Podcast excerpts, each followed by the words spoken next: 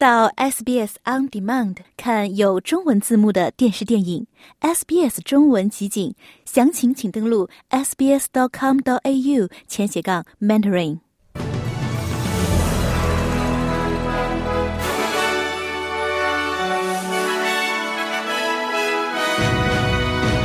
澳大利亚暂停向近东救济工程处提供资金。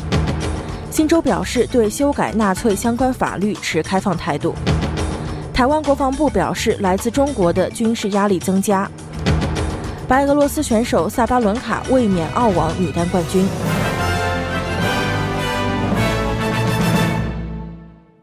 以下是新闻的详细内容。澳大利亚外交部长黄英贤表示。澳大利亚将暂时停止向联合国近东巴勒斯坦难民救济和工程处提供资金。黄英贤周六表示，澳大利亚对近东救济工程处一些工作人员可能参与哈马斯十月七日袭击以色列的指控深表关切。近东救济工程处已对涉嫌参与袭击的几名员工展开调查，并已切断与这些员工的联系。黄英贤表示，澳大利亚欢迎近东救济工程处终止合同并展开调查的回应。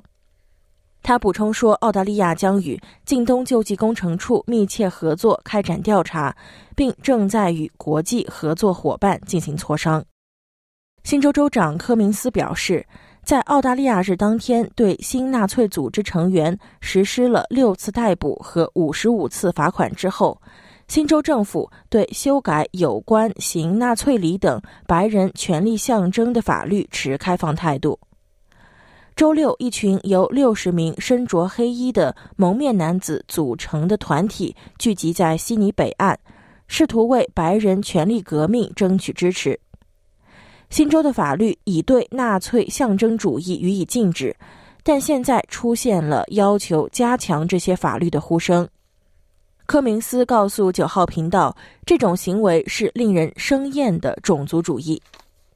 If it wasn't so menacing, it would be completely ridiculous. We are open to strengthening the laws, particularly in relation to. 如果不是那么具有威胁性，那将是完全荒谬的。我们对加强法律持开放态度，尤其是与白人权利、行纳粹礼有关的法律。他们的匿名性是他们使用的一种武器。我想大多数人会问为什么？为什么要匿名？其中一个组织者来自其他州，实际上是将他们的仇恨输入到了新南威尔士州。您正在收听的是 SBS 中文普通话节目。欢迎您继续收听 SBS 新闻简讯。接下来，我们来关注一下其他方面的消息。台湾国防部称，中国已向台湾派出三十多架战机和一批军舰。就在中国和美国高级代表宣布将在泰国首都曼谷举行会谈，以缓解美中两国之间的紧张局势之后不久，中国对台湾的军事压力不断增加。中国方面坚称，台湾是中国的领土，过去曾通过派遣军舰和战机来表示对台湾政治活动的不满。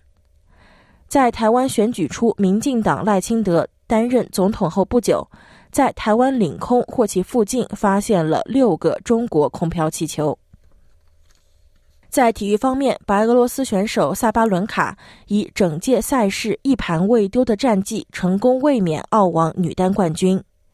现在，萨巴伦卡与阿什巴蒂、小威廉姆斯、玛利亚·莎拉波娃和林赛·达文波特等名将一起，成为本世纪第五位捧起达芙妮·阿克赫斯特纪念碑而未丢一盘的女单选手。中国网球选手郑钦文以三比六、二比六。不敌萨巴伦卡，获得澳网女单亚军。赛后，萨巴伦卡接受了九号频道记者采访，讲述了自己通往决赛的心路历程。Yeah, I mean, I've been through not like up and downs, but there was like some tough moments for me losing the US Open final. And and 我经历过不是大起大落，而是有一些艰难的时刻。我输掉了美国网球公开赛决赛，那场失利实际上激励我更加努力。提高我的比赛水平，所以接下来当我参加决赛时，我对自己的比赛更有信心，对自己更有信念。来关注一下国际货币市场。截止到澳大利亚东部夏令时早上的六点五十五分，在国际货币市场上，一澳元可以兑换零点六五八美元、四点六九九人民币、五点一三九港币以及二十点五九三新台币。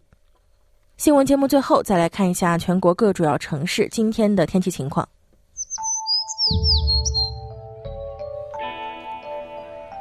悉尼时有阵雨，最高温度二十七度；墨尔本多云见晴，最高温度二十四度；布里斯班阵雨，可能有暴风雨，最高温度三十度；堪培拉多云见晴，最高温度二十八度；阿德莱德晴，最高温度二十八度；珀斯晴见多云，最高温度二十八度；达尔文有雨，可能有暴风雨，最高温度三十一度；霍巴特多云见晴，最高温度二十四度。